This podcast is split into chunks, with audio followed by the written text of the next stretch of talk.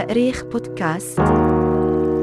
مستمعينا الكرام معكم محمد القيسينيان وأنتم تستمعون إلى حلقة جديدة من سلسلة صحراء المرابطين على تاريخ بودكاست. أهلا بكم. في نهاية الحلقة الماضية كنا قد ختمنا بالسؤال عن كيف ومتى قامت الحركة المرابطية وما الأسباب الكامنة وراء هذا الحدث التاريخي المهم. هذه الأسئلة هي التي ستكون محور حديثنا في حلقة اليوم. وفي البداية سنقوم باستعراض الرواية التاريخية أو الرواية التي تقدم المصادر. حول نشأة الحركة ثم نعود لتحليلها ووضع بعض الأمور في سياقاتها المتعددة. كيف ومتى نشأت الحركة المرابطية؟ إن الرواية المعتمدة بين المصادر والأكثر انتشارا واعتمادا من طرف الباحثين حول نشأة الحركة المرابطية هي تلك الرواية التي يقدم لنا أبو عبيد البكري. وبحسب هذه الرواية فنشأة الحركة المرابطية تعود إلى الرحلة التي قام بها زعيم صنهاجة يحيى بن إبراهيم الجدالي إلى الديار المقدسة من أجل القيام بفريضة الحج وذلك سنة 440 للهجرة. وفي طريق عودته من الحج سيلتقي بأبي عمران الفاسي أحد أهم فقهاء المالكية في شمال إفريقيا. وبعد أن حضر معه بعض الحلقات العلمية أعجب يحيى بن إبراهيم بما رآه من علم ودين وأشفق على قومه الذين ليس عندهم من ذلك الشيء. ويؤكد البكري أن أبا عمران سأل يحيى بن إبراهيم عن حال قومه ودينهم فلم يجد عنده علما بشيء من الدين غير أنه كان حريصا على تعلمه هنا سيطلب يحيى بن إبراهيم من أبي عمران الفاسي أن يرسل معه من تلاميذه من يثق في علمه ودينه إلى الصحراء حتى يعلم قومه الإسلام. وحين عرض المسألة على تلاميذه لم يستجب أحد. لهذا الطلب متحججين بصعوبة العيش في الصحراء وصعوبة التعامل مع أهلها. وما قد يجنيه من يحاول أن يردهم إلى الدين الصحيح من مشقة ومتاعب. فكتب أبو عمران ليحيى رسالة وأرسله إلى ملكوس حيث يوجد تلميذ له يدعى وكاك بن زلو يطلب منه فيها أن يرسل مع يحيى بن إبراهيم من يثق فيه من تلاميذه ليعلم قومه في الصحراء. فلما وصل يحيى إليه وعرض عليه رسالة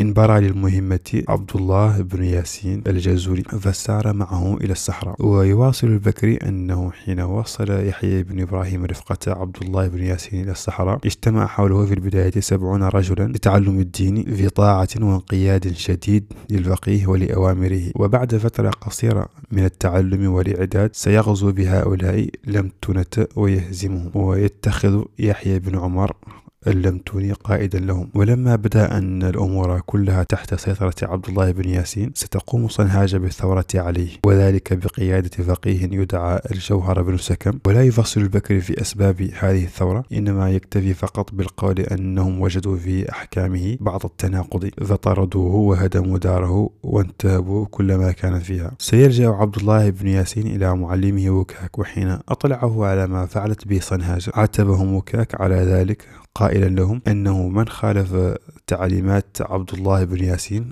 فقد فارق الجماعة ودمه هدر. وأمر عبد الله بن ياسين بالعودة وإكمال عمله فعاد وأقام الحد على كل من خالفوه وقتل خلقا كثيرا ممن استوجب عنده القتل حسب كلمات البكري هنا بدأ في بسط نفوذه على جميع الصحراء ودخلت جميع تلك القبائل في دعوته والتزموا السنة فنهضوا إلى قبيلة لمطة وأخضعوهم ومن هنا بدأ العمل على التوسع نحو المغرب. لكن قبل أن نكمل في سرد تفاصيل القصة نتوقف هنا قليلا ونحاول أن نحلل ما جاء في هذه الرواية من معلومات ونضعها في سياقاتها إذا تكاد جميع المصادر التي تتحدث عن قيام الحركة المرابطية أن تجمع على هذه الرواية. إلا بعض الخلافات في مسائل جزئية كتاريخ الحج وشخص الحاج. حيث نجد في رواية القاضي عياض وابن الأثير أن الحاج هو الجوهر بن سكم وليس يحيى بن إبراهيم. ورغم هذا فإن كل الروايات الواردة في المصادر عن نشأة الحركة المرابطية تتفق على النقاط التالية. أولا على جهل صنهاجة الشبه التام بالإسلام وتعاليمه وهذه المسألة ملاحظة في جميع الروايات حين تسرد ما دار بين الحاج يحيى بن إبراهيم وأبي عمران الفاسي الذي اختبره فوجده لا يعرف شيئا عن الإسلام.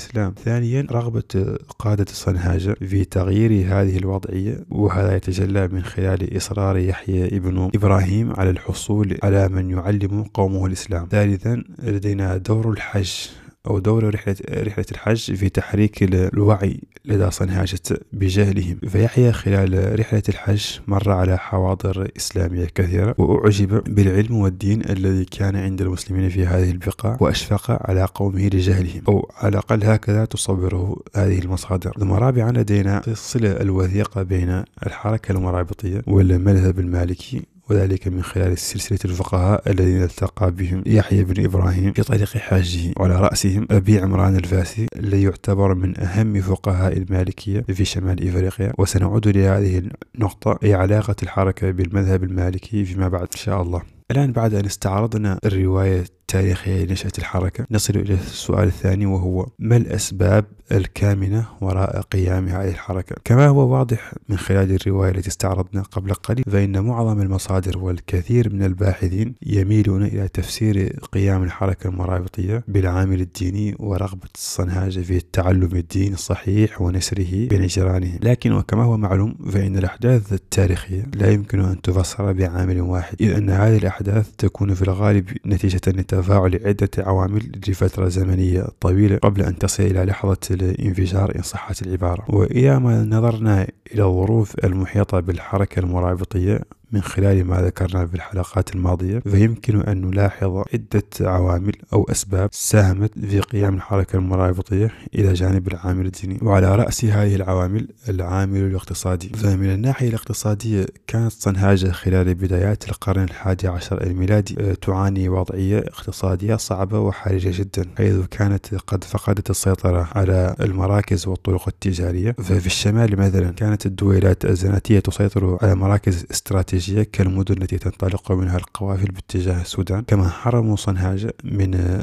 المراعي الجيدة التي كانت توفرها تلك المناطق. أما من الناحية الجنوبية في نهايات الطرق التجارية كانت صنهاجة قد فقدت سيطرتها لصالح التحالف زنات وغانا الذي تمكن من السيطرة على تلك المدن التجارية بما في ذلك عاصمة صنهاجة أو داغوس. لتفقد بذلك هذه القبائل سيطرتها على الطرق التجارية واحتكارها لتجارة الملح وجميع الامتيازات التي كانت ترافق ذلك من لاعب دور الوسيط بين التجار وأخذ الضرائب على مرور القوافل من مناطقهم والعمل كحراس لهذه القوافل أو أدلاء وكانت لهذه الوضعية انعكاسات كبيرة على الصنهاج على صنهاجة سواء المجموعات التي كانت تعيش في المدن أو تلك التي كانت في البوادي. فقد كانت عائدات التجارة والأنشطة المتعلقة بها تشكل جزءا مهما من مداخلهم. زد على ذلك موجة الجفاف التي ضربت المنطقة خلال بدايات هذا القرن وتداعياتها على اقتصاد هش أساسا قائم على الرعي. هذه الوضعية الاقتصادية الصعبة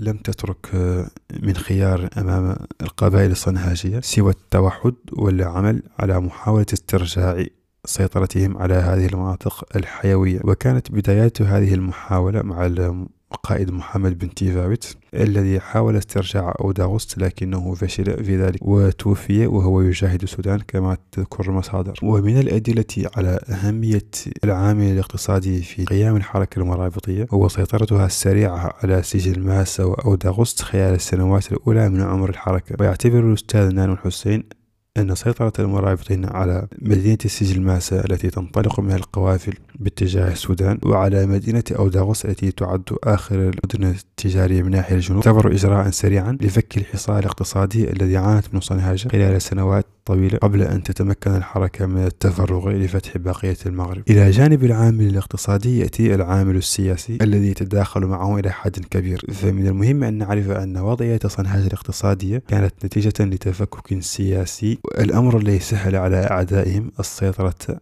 على هذه المناطق الحيوية في الصحراء. وفي هذا الإطار فإن بعض الباحثين ومنهم حماه الله مثلا يعتبر أن الحركة المرابطية ليست سوى استكمال للجهود التي قادها محمد بن تيفاوت لتوحيد صنهاجة سياسيا في سبيل استرجاع هيمنتهم على المنطقة غير أن ابن تيفاوت لم ينجح في ذلك لأنه اعتمد فقط على العصبية الصنهاجية التي كانت في هذه الفترة متصدعة وضعفت لكثرة الخلافات والصراعات الداخلية بين هذه القبائل في حين تمكن المرابطون من النجاح من خلال إضافة عامل آخر إلى المعادلة وهو الدعوة الدينية. مستغلين ظرفية تاريخية معينة لصالحهم. ففي هذه الفترة كان الإسلام السني يواجه تحديات حقيقية. كان محاصرا من طرف الفاطميين في الشرق ويواجه الزحف المسيحي من ناحية الغرب. هذا إضافة إلى سيطرة التجار الخوارج على التجارة العابرة للصحراء وحين عجزت الحواضر والمراكز السنية عن التصدي لهذه التحديات فإن المهمة ستنتقل إلى الأطراف فنجد السلاجقة يتصدون للهجمات من الشرق وصنهاجة سيقومون بهذا الأمر من ناحية الغرب. هنا يبرز دور العامل الديني ودوره في نشأة الحركة المرابطية حيث يعتبر بعض الدارسين أن حاجة يحيى بن إبراهيم لم تكن بهدف ديني محض أي بهدف الحج فقط. إنما كان الهدف منها البحث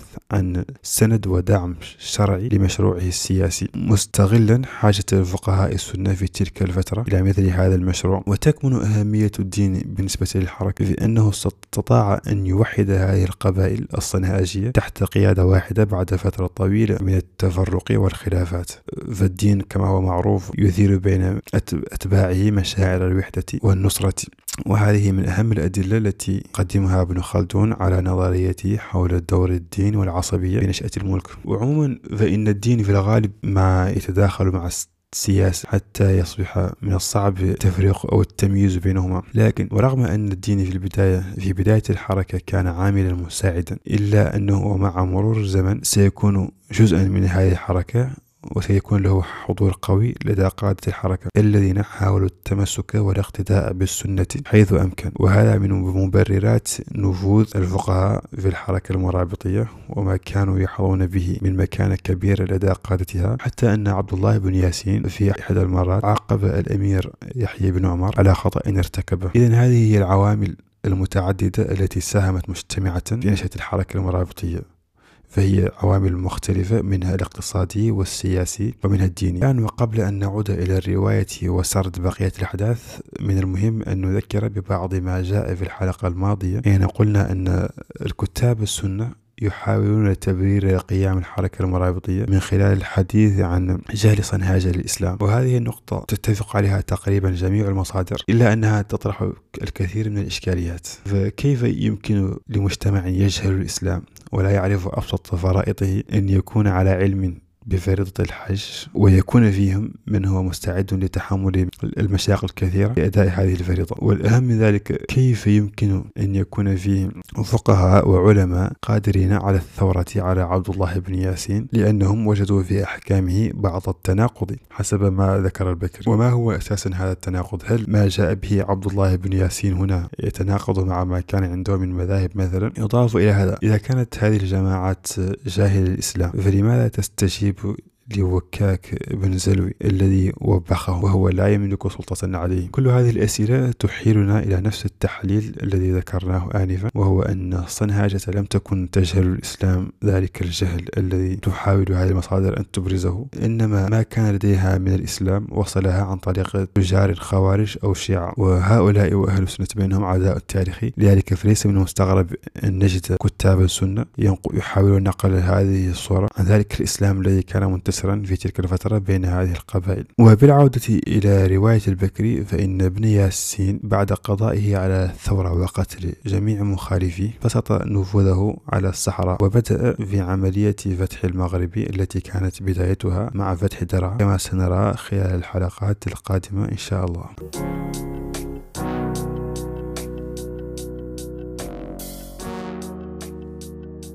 وفي ختام هذه الحلقة نشكركم على حسن الاستماع ولا تنسوا أن تطلعونا على آرائكم من خلال التعليقات. كما نذكركم بالاشتراك في قناة البرنامج على منصة جوجل وأبل بودكاست. حتى يصلكم جديدنا أولا بأول. حياة طيبة.